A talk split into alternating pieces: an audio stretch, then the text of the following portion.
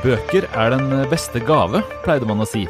Men tid til å lese dem, det er ikke noen dårlig gave, det heller.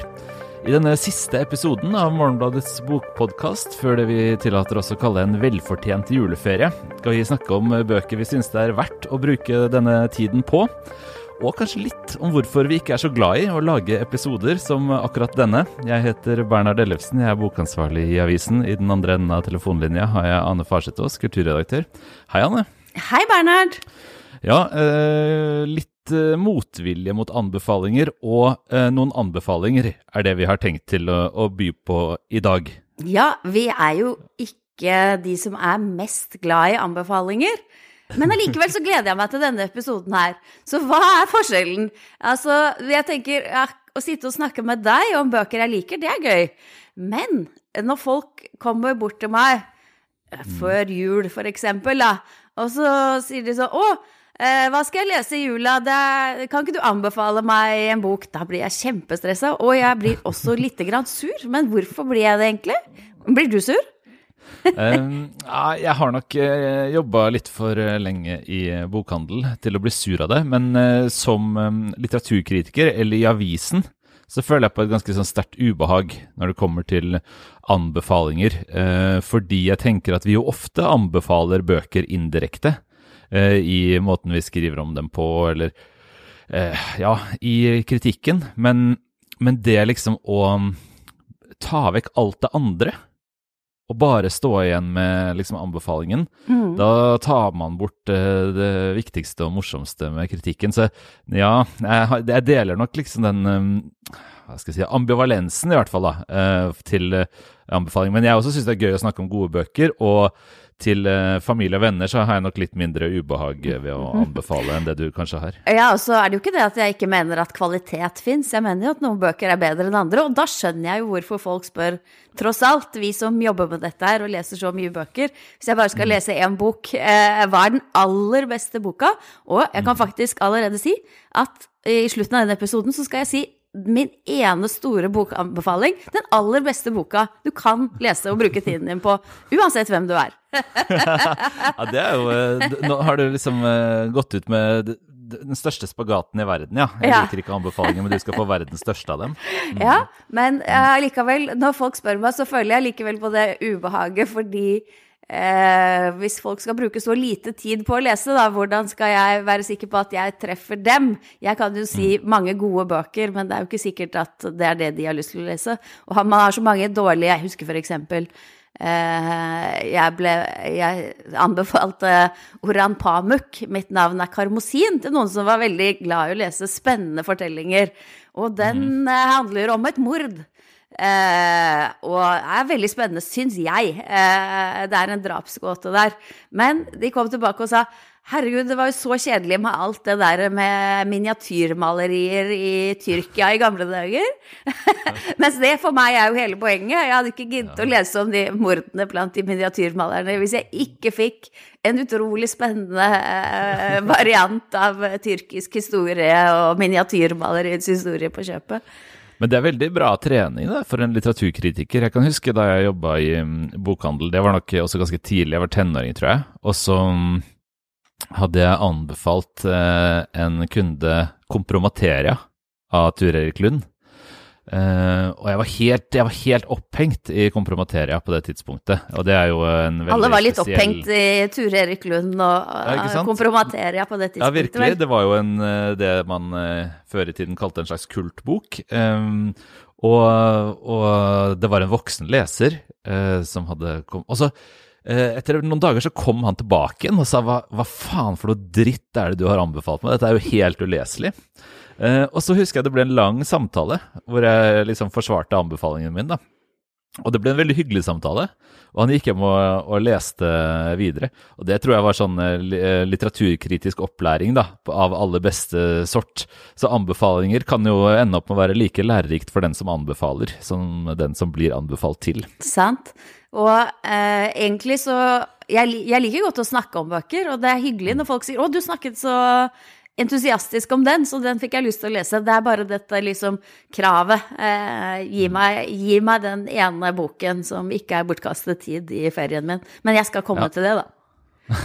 Men det ligner litt på terningkast òg, kanskje? Ja. Altså sånn i hvert fall når det står i avisen. Ja, ikke sant? At det gir litt den samme følelsen. Er litt samme eh, følelsen, mens vi liker å pakke vurderingen vår inn i kjøtt, og, uh, som kjøtt av tekst, og argumenter, ja. beskrivelse, begrunnelse, og til og med innvendinger, da. Uh, vi som kritikere er vel såpass glad i innvendinger. Selv mot det aller beste at vi syns det er vanskelig å si en sånn helhjertet eh, anbefaling, kanskje. I am nothing if not critical, som Iago sier i Shakespeares Otello. Mm.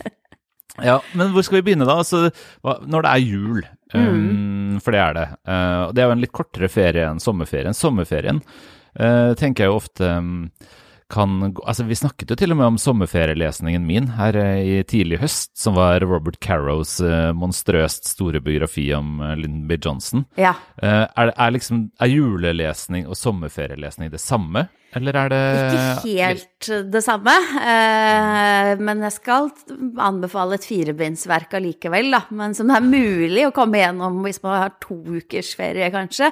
Ja. Men eh, jeg kan også ta et par korte bøker som, eh, som er veldig passe. Jeg tenker jula.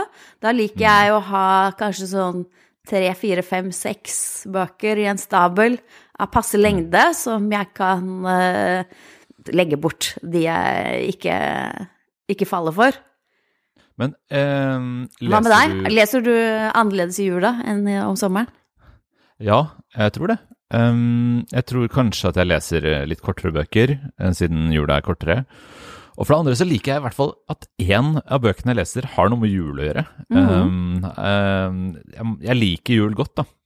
Ja, sant? Og, og det å Men det er klart, julestemningen i litteraturen kan godt komme med både ett, én eller to eller tre dråper malurt i det litterære begeret. Det går helt fint. ja, men at for det, er det mye god julestemning i litteraturen? Altså er det mye oppbyggelig, varm, eh, hyggelig julestemning?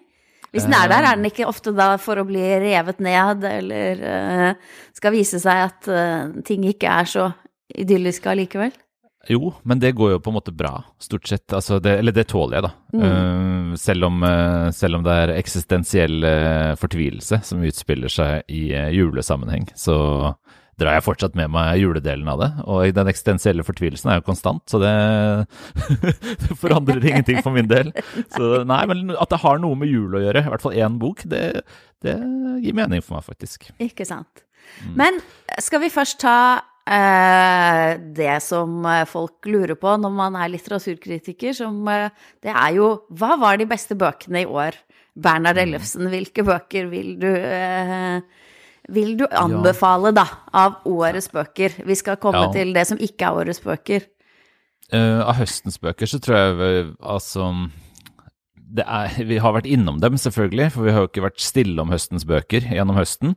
Men uh, Theis Ørntofts eh, roman 'Jordisk', eh, den danske forfatteren som kom med en tykk bok i august på dansk, som kommer på norsk til våren. Det var et stort høydepunkt. En, en, en roman som liksom fanger livsfølelsen helt Altså akkurat nå, tidsfølelsen, kanskje. Helt spesielt godt, og er veldig meddrivende. Det er en realistisk relasjonsroman, egentlig. Eh, den eh, er nok et høydepunkt fra i høst. Eh, Hvilken tidsfølelse er det snakk om? av den fremtidsløse, dystopiske følelsen av å leve akkurat nå, som vi har snakket om. Den er veldig sterkt til stede, men ikke likevel sånn for tyngende. Den bare er der, sånn som den bare er der for oss. Det er ikke en dystopi, dette her. Det er en, en roman med, fylt av tidsånd, og en litt mørk tidsånd. Men um, veldig, veldig energisk bok, syns jeg. Ellers syns jeg Vigdis Hjorts gjentakelsen var et uh, ti tidlig høydepunkt også. Den kom også omtrent samtidig. Uh, virkelig flott eh, eh, roman. Og faktisk eh, har jo eh, leverer på det jeg akkurat sa, om jul. Oi! Fordi den har jo um, en utrolig scene eh, i begynnelsen. En av de, jeg vil påstå faktisk en av de flotteste scenene Vigdis Hjorten noen gang har skrevet. Hvor fortellerskikkelsen er på en førjulskonsert i Oslo konserthus og ser en tenåringsjente ved siden av seg som har et åpenbart utrolig anstrengt forhold til sine foreldre, som hun er på konsert med, Ja, og som hun ser seg selv i. Og den eh, scenen er utrolig liksom eh, Hva skal jeg si da? Der er strengen spent, virkelig. Og den har den julestemningen som, eh, som du snakka om, faktisk. Hvor det er jul, men hvor det jo er jævlig. Men hvor det, det at det er jul, faktisk, gjør noe likevel. Ja, det er også en del ganger ute i snø og kulde i, i Oslo. Ja, nettopp. Eh, nei, altså De bøkene av året som jeg har eh, likt best, det, de har nok veldig lite med jul å gjøre. Dessverre. jeg hadde litt flaks med gjentakelsen der, da. Det var litt flaks. Eh, av det skjønnlitterære så eh, har jeg vært veldig begeistra for Sandra Lillebøs 'En fransk familie'. Mm. jeg likte også den forrige boka hennes, 'Tingenes tilstand', godt, men jeg syns denne er nesten enda bedre. og Uh, Hvorfor det, da? Altså, den har jo fått uh, Litteraturkritikken har ikke vært fullt så entusiastisk for den som for den forrige. Den har fått mer uh, delt mottakelse. Ja, altså Jeg syns at denne boka er så godt skrevet. Den, for folk som liker Annie Ernaux, så er jo liksom Sandra Lillebø vår Annie Ernaux. Hun har jo også snakket mye om Annie Ernaux. Men det, det har på en måte det har ingenting å Man må ikke trekke den sammenligningen sånn at hun er en mindre versjon. Eh, mm. dette er en eh, bok som eh, er kort og effektiv. Den handler om en ung kvinne som får et barn med en franskmann. Og det handler om hvordan det er å være dominert i et forhold, rett og slett. Både når det gjelder fysisk og psykisk vold. Eh, men det handler også om eh, samfunnet i Frankrike på denne tida.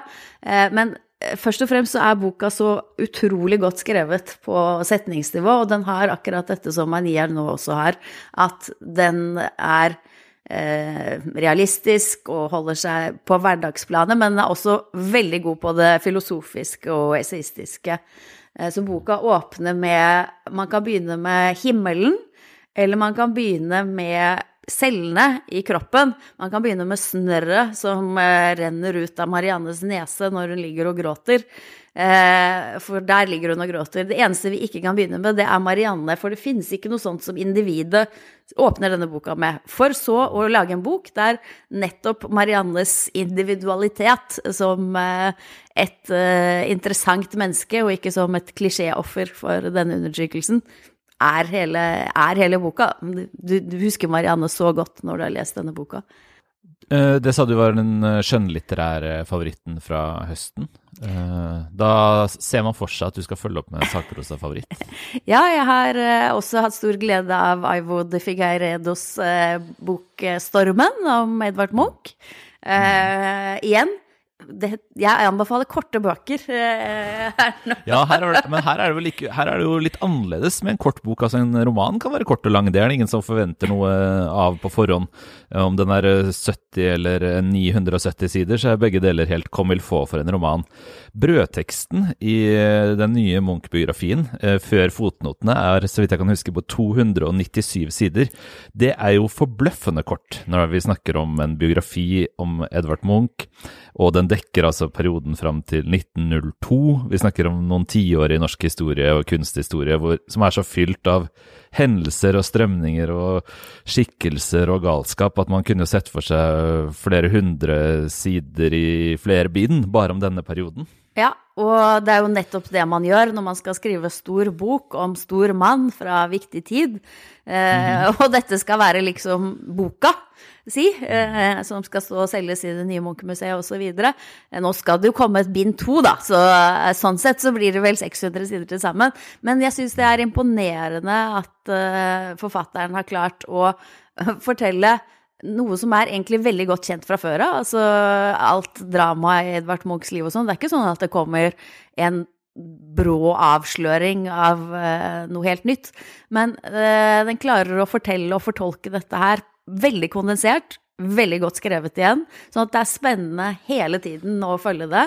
Og med eh, interessante teser om det norske samfunnet på denne tida, og hvordan det norske samfunnet eh, også kunne frembringe store kunstnere, nettopp ved å være en slags eh, periferi i Europa. Har du mm. lest den? Jeg har lest den, eh, og jeg deler din eh, begeistring. Eh, det var flere ting som slo meg i, i denne boka, at den har på en måte nesten sånn buljongterningen som metode. Altså den er så innkokt, uh, og det er jo strålende, rett og slett. Det virker også dristig for meg, altså å skrive såpass kort. Mye er utelatt hvis man forventer en biografi som, som fotfølger uh, biografiobjekter rundt i verden, så får man det ikke. Uh, men så er det jo det som er bra, da, fordi man er lei av å følge biografiobjekter rundt i verden minutt for minutt, skritt for skritt. Uh, og så er det vel det at denne boka er også fortellende. Det er fortellende sakprosa, sånn som man har sett det i de siste tiårene.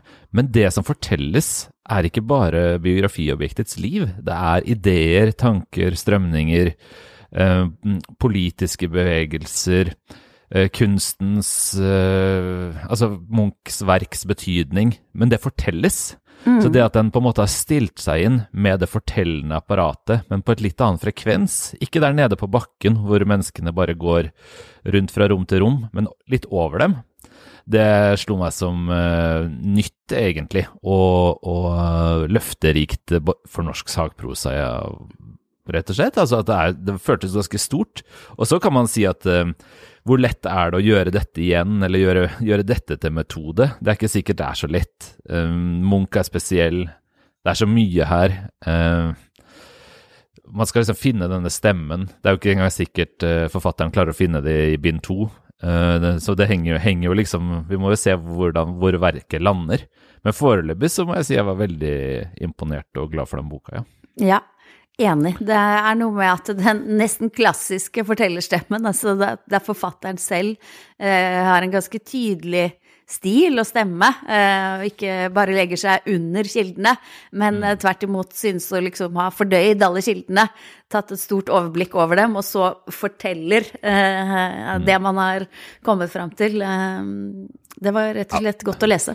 Og Figureido har jo en sånn stil, har, sånn var det jo i Ibsen-biografien uh, for uh, øh, 15 år siden, eller hva det er også, hvor det er formuleringene er så viktige. Uh, og noen av dem er jo nesten tilsvarende. Det er ganske mye overlapp i både tid og tematikk med den boka, men man kan, man, det er mange setninger man husker. Munch oppdager, skriver Figureido et sted, at verden er et varehus med kunst i sortimentet. Altså, det er mange sånne, og det er jo liksom det, I det ligger det mye tanke. Det er ikke bare elegant, eleganteri. Det, det, er jo nettopp det Munch jobber med. At uh, uh, kapitalismen har, uh, har, tatt over verden, og kunsten skiller seg i utgangspunktet ikke ut. Man må, man må operere etter verdens lover. Og, sånn, og, sånne ting får han inn i sånne formuleringer som er ganske minneverdige. Mm. Men vi trenger ikke bare å anbefale årets bøker her. Eh, fordi vi liker jo gjerne å lese noen klassikere, eh, noe annet eh, enn det vi må lese hele året når vi har ferie. Nettopp. Vi pleier å benytte anledningen til det. Du har jo allerede hintet om et storverk her. Hvilken klassiker ville du anbefale å bruke juleferie på? Ja, altså min ultimate anbefaling, uansett årstid og uansett tema, Eh, men særlig nå som det er jul. Eh, hvis du ikke orker å lese hele Bibelen, så vil jeg heller anbefale deg å lese Thomas Mann, 'Josef og hans brødre'.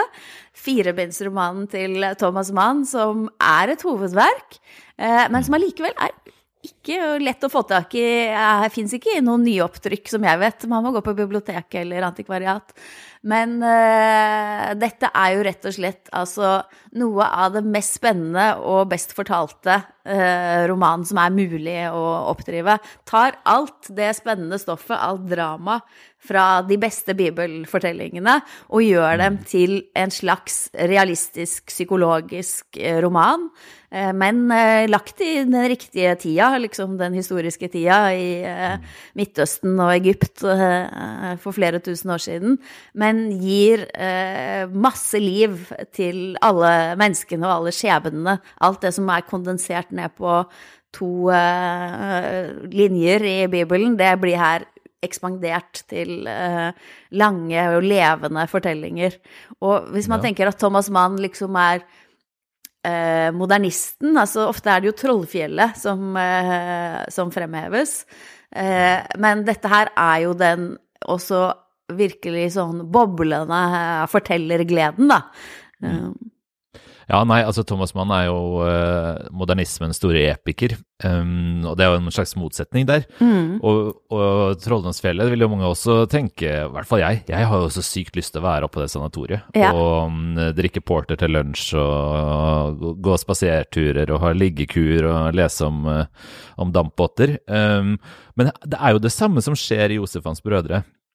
Altså, denne verden åpner seg. Hvis man vil ha en, et romanverk som man forsvinner inn i, eh, så er jo Josefans brødre nesten ultimate. Ikke minst fordi det er såpass langt, men, men fordi han har verdensskapende evner av det helt unike slaget, Thomas Mann. Ja. Og så eh, får man jo veldig lyst til å lese Bibelen også, men da blir nesten Bibelen blir nesten for kort. Altså, han baserer seg på eh, første Mosebok, da, eh, og fortellingen om eh, først eh, Jakob, eh, hvis man hadde hatt søndagsskole og sånt, som, jeg, ikke, som jeg ikke gikk på, så ville Men da Thomas Mann skrev dette her, da, så var det jo fortsatt sånn at folk hadde Bibelen, eh, ikke sant? Man lærte dette på skolen. Eh, men ta utgangspunkt i fortellingen om eh, Jakob, hvordan han blir lurt av Laban til å, til å leve i trelldom fordi han skal eh, få gifte seg med den vakre datteren hans Rakel. Men så blir han lurt etter alt dette arbeidet, får han en annen dame i stedet. og eh, får en masse barn, eh, men eh, den ene sønnen, som er sønnen av den, den han egentlig vil ha, blir favorittsønnen. Alle de andre, alle de andre sønnene hater denne fyren. Og så går de løs på han, da, og det ender med at han blir slave i Egypt, osv. Og, så og alt dette dramaet her, det fyller jo da Thomas Mann med menneskelige følelser, med og det er det som er så fascinerende, da, er at disse tingene som står bare sånn, som strektegninger i Bibelen, nærmest Her har du sjalusi, her har du eh, svik, her har du eh, lureri, her har du bedrageri. Det blir fylt eh, i denne romanen. Det er sikkert ikke tilfellet. Det er sannsynligvis jeg som ikke er god nok eh, mann eh, eller forsker. Men eh, for meg så står Josefans brødre i all sin sånn storhet, for det er jo fire bind, og det er vidunderlig skrevet, og det er jo Mosebøkenes materiale og alt mulig, så står det litt for meg også som Thomas Manns store underholdningsroman. Sant? Fordi det er så eventyrlig, og fordi det på en måte, i hvert fall for meg som ikke um, det, Han jobber sikkert med teologiske problemstillinger og sånn i verket, men for meg så er det fortellingen som står. Mens i alt fra Dr. Faustus til uh, Budenbrooks til uh, Trolldomsfjellet til uh, Lotte i Weimar til uh, altså, hva som helst, så er det De er så intellektuelle. Og jeg liker det veldig godt ved dem, men de er jo idéromaner alle sammen, uh, på et eller annet vis. I Josefans brødre så bare seiler man på eventyret. Ja, jeg er helt enig. Og det er jo eh, filosofisk Det er mulig det er noe teologisk, det har ikke jeg god nok oversikt over, men det er selvfølgelig filosofisk når det gjelder historien. Det er det jo mye om. Eh, dyp er fortidens brønn. Altså, det tenkes rundt eh, hvordan eh, vi forholder oss til det forgangne. Eh, om det i det hele tatt er mulig eh, å forstå det. Men eh, som du sier, det er jo også som en såpeopera av eh, eventyrlige hendelser eh, og vanvittige sammentreff. De fikk han gratis fra Første Mosebok. men, men han gjør eh, noe eget med dem, da. Jeg har aldri fått tak i den norske utgaven. Min er dansk. Ja. Jeg har måttet krype til korset. Ikke sant? si. Ja, nei, jeg har eh, kjøpt min på antikvariat. Jeg tror jeg måtte bestille den på nettet. Er eh, umulig å få tak i. Så alle jeg har gitt denne, har gitt denne bokanbefalingen til noensinne, og som har klart å få tak i bøkene, har elsket dem. Dette er en sikker bokanbefaling som uh, ingen som liker å lese, uh, faller det, det, det skjer ikke at man ikke faller for dette. Så derfor så forstår jeg ikke hvorfor det ikke skal være i bokhandelen. Nei, det, må, det, det får vi eh, sende ut som en oppfordring. Ja. Få, få trykka opp dette verket igjen. Ja. Vi må, vi må ha det. Vi må ha det, rett og slett. Eh, utgi det igjen. Og det som Eh. jeg også syns er gøy, da, det er jo at og særlig nå i jula, det er jo at man får også veldig lyst til å lese Bibelen. Eh, så i hvert fall jeg. Jeg sitter og slår opp og leser Første Mosebok, eh, kapittel 37 til 50. Men det er jo bare så altfor kort. Det er jo bare så altfor lite, det som står der. Så må man tilbake til mannen, og så kan man hoppe inn i andre bibelfiksjoner. Jeg syns det er kjempefascinerende å lese Eh, bøker basert på Bibelen har jo ikke blitt en slags favoritt, da, særlig etter dette. Hva med deg? Ja.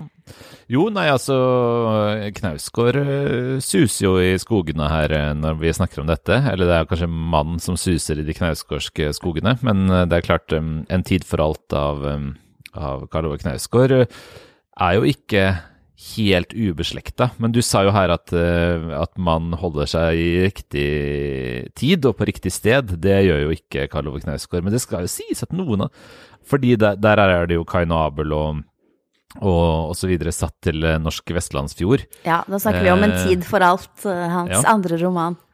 Og um, der er jo Hva skal jeg si da? Noe av den episke liksom sfæren er ikke helt ulik. Det er noe av den rare, forrykkede følelsen av å befinne seg i et bibelsk verdiunivers, f.eks., som også finnes hos Knausgård. Helt enig. Og han er jo eksplisitt uh, inspirert av uh, mann. Og mm. mye av grepet er jo mye av det samme, å ta disse små uh, korte fortellingene og blåse dem full av emosjoner og sanselighet og ting som vi kan gjenkjenne. Eh, men samtidig er det spekulative elementet er jo mye større her. Eh, det åpner jo med et essay om engler med, av en helt fiktiv forsker. Så det liksom fiksjonen og det at verden kunne vært en helt annen, er jo et, et større element hos Knausgård. Men det er akkurat samme effekten her.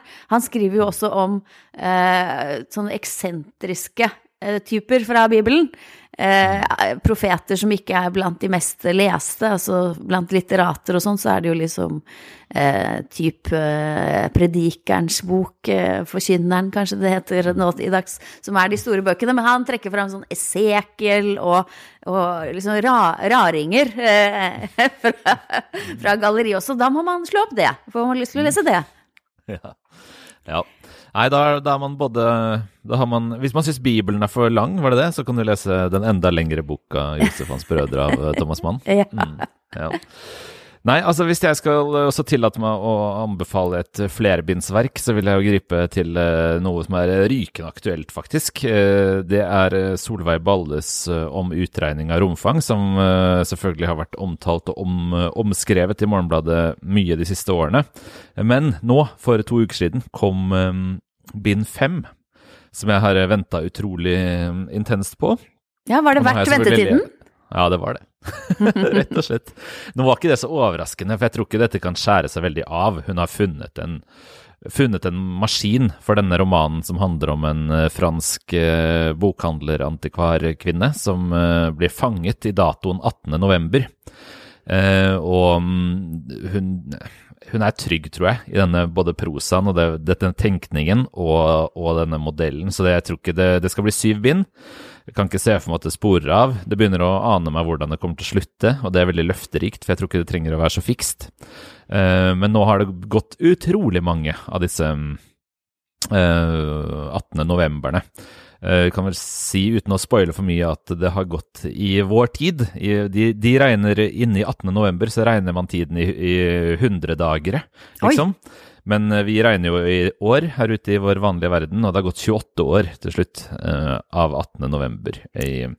Og i denne seneste så Dette er jo også et idéromanprosjekt, egentlig, hvor hvert bind på en måte går inn i ulike filosofiske problemstillinger.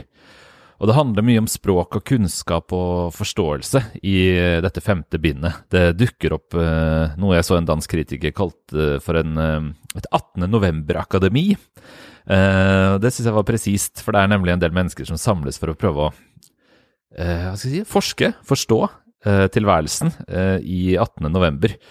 Og um, jeg syns hun, hun treffer blink fortsatt, altså. Så dette er jo et Jeg tror Jeg tror dette blir en klassiker. eh, Det har jeg trodd eh, siden jeg leste de første tre på rappen. Og du har ikke eh, blitt min- lei av 18. november-gjentagelsen enda? I hvert fall ikke så lei som Tara Selter, som har opplevd eh, noen tusen av dem. Nei, altså det skal jo sies at det, det er jo um, eh, et verk som heldigvis forholder seg ganske løst til den rammen. Eh, det handler ikke bare om det. Det handler om oppmerksomhet, om tid, om liv og død osv. Og, så brukes dette til å, til å sette vårt eget liv og vår egen eh, verden i perspektiv. Og det er utrolig effektivt, altså. Bare sånne enkle ting som at vi bor på en jordklode vi forbruker opp. Eh, Det blir så tydelig i 18. november hos Tara Selter. Og det er bare et sidepoeng. Det handler mest om vanlige eksistensfilosofiske ting, som at vi, tiden går, at vi skal dø og sånne ting. De fleste mennesker er sikkert grundig lei av det virkelige november. Ja, da skal man prøve 28 år i 18. november. Eh, ja, men vi snakket innledningsvis her om jul i litteraturen. Uh, vi nærmer oss slutten, men jeg har tenkt å koste på meg eh, et lite glimt av en litterær jul. Ja, gjør det. Um, som er en For hvis vi, hvis vi skulle laget en episode, som vi ikke gjorde, om jul i litteraturen, så ville, jeg, ville dette vært min, um, min uh, jul, litterære jul nummer én. Uh, og det tenkte jeg skulle lese høyt, og så kan jeg si etterpå hva det er. Men alle vil jo forstå i første setning hva det er. Det var julaften, og professor Andersen hadde et juletre i sin stue. Han stirret på det. Det må jeg si, tenkte han. Ja, det må jeg sannelig si. Så snudde han seg og ruslet omkring i stua mens han hørte på julesangene i TV. Ja, det må jeg si, gjentok han. Ja, hva skal jeg si? la han så til, grunnende. Han så på det pent dekkede bordet i spisestua, dekket til én. Merkelig hvor djupt det sitter, tenkte han, og så helt uten ironi, da, la han til og ristet på hodet. Han gledet seg til middagen.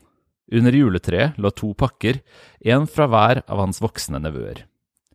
Hvis jeg sier jeg håper å få til den sprø svoren, ligger det et snev av ironi i det? Nei, tenkte han. Får jeg ikke til svoren, blir jeg rasende. Jeg kommer til å banne høyt enda det er julaften, la han til. Akkurat slik som han hadde bannet høyt da han slet med å få treet til å sitte på juletrefoten, og etterpå til å stå rett og ikke skeivt, slik et juletre skal stå inne. Akkurat slik han hadde gjort da han festet de elektriske lysene til treets grener, og oppdaget at han også i år hadde gått i ring, slik at det hadde surret seg sammen, dette med ledningene, slik at han måtte snu og gå tilbake igjen, ta av lysene ett og ett og begynne på nytt, nesten helt fra begynnelsen igjen. Faen, hadde han sagt da. Faen. Høyt og tydelig. Men det var i går. Merkelig hvor djupt julaften sitter i oss, tenkte han. Høytiden, den hellige natt, som innledes klokka tolv i natt. Ikke før, slik som mange i Norge tror, dette er aftenen før den hellige natt, eller den stille natt. Han gikk ut på kjøkkenet, åpnet døra til stekeovnen, tok ut ribba. Kjente den liflige duft og så fornøyd på den sprø svor. Gjorde alt klart og bar inn for servering før han gikk inn på soveværelset og kledde seg raskt om. Kom ut igjen iført en pen grå dress, hvit skjorte, slips, blankpussede sorte sko. Han satte seg til bords for å innta sin julemiddag. Professor Andersens natt vil jeg si er eh, den moderne norske juleromanen nummer én, selv om den ikke handler om jul. Den handler om en litteraturprofessor som ser et drap og ikke vet hva han skal gjøre eller ikke gjøre med det. Men denne julaften, altså, den eh, sitter som et skudd, spør du meg. Jeg har skrevet av eh, forfatteren som eh, ofte har insistert på at han ikke er ironisk, eh, altså Dag Solstad. Som for Ja. øvrig vel også har Thomas Mann som et av sine eh, forbilder, eller en kollega, som han eh, av og til eh, foretrekker å kalle det. foretrekker å kalle han. Jo da, men det er jo eh, det er ikke Her vil jeg si at det, det, det kollegiale med Thomas Mann kommer veldig tydelig frem. Denne, denne mm, kjærligheten til akkurat denne scenen, som er eh, professor Andersens julaften. som jo er helt uvesentlig på en måte. Det skal handle om eh, noe veldig klassisk modernistisk. Men han eh, vil jo fortelle denne julaften. Det fortsetter i mange sider til. Og det er et helt uironisk forhold til jul, akkurat som Thomas Mann er uironisk når han skriver om porter og liggekurer. Ja, det sitter dypt i oss, disse tradisjonene, som professoren sier, og det gjør det jo. Det gjør det. Også julelesningen. Ja, og litt morsomt er det jo at eh, da Nobelprisen i litteratur ble delt ut, så var det jo noen som sa ah, når de sa den norske forfatteren, så kunne det vært Solstad eller Fosse. Og Fosse han har jo sin egen uh, julefortelling, han òg. Uh, den første boka i trilogien, 'Andvake', den er jo uh, en slags juleevangelie, som starter med at det unge paret Asle og Alida de venter barn, men de finner ikke rom i herberget i Bjørgvin, Bergen, der de bor. Så der går han helt eksplisitt på juleevangeliet.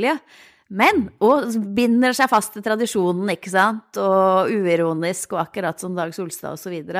Men også den boka eh, munner ut i et drap og et, en drapsgåte.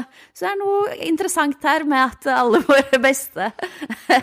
forfattere, inspirert av modernismen, eh, når de skal skrive drapsgåter, som de sjelden gjør, så legger de det til jula og de kristne tradisjonene. Sturer sammen jul og påske. ja. nei, og, og septologien slutter med en uh, julefeiring. Ja. Så, så, julen er til stede.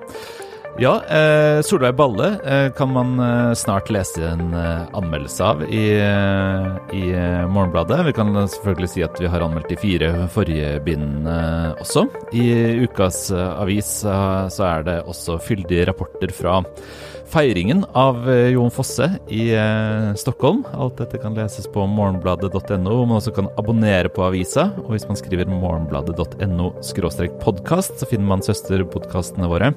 Politikk og økonomi og kultur. Da tar vi på en måte juleferie, i hvert fall fra podkastene. No, en avis til skal lages, men så er det jul. Så er det jul. Og så snakkes vi igjen i januar. Det gjør vi. Ja. Takk for praten. Takk for praten.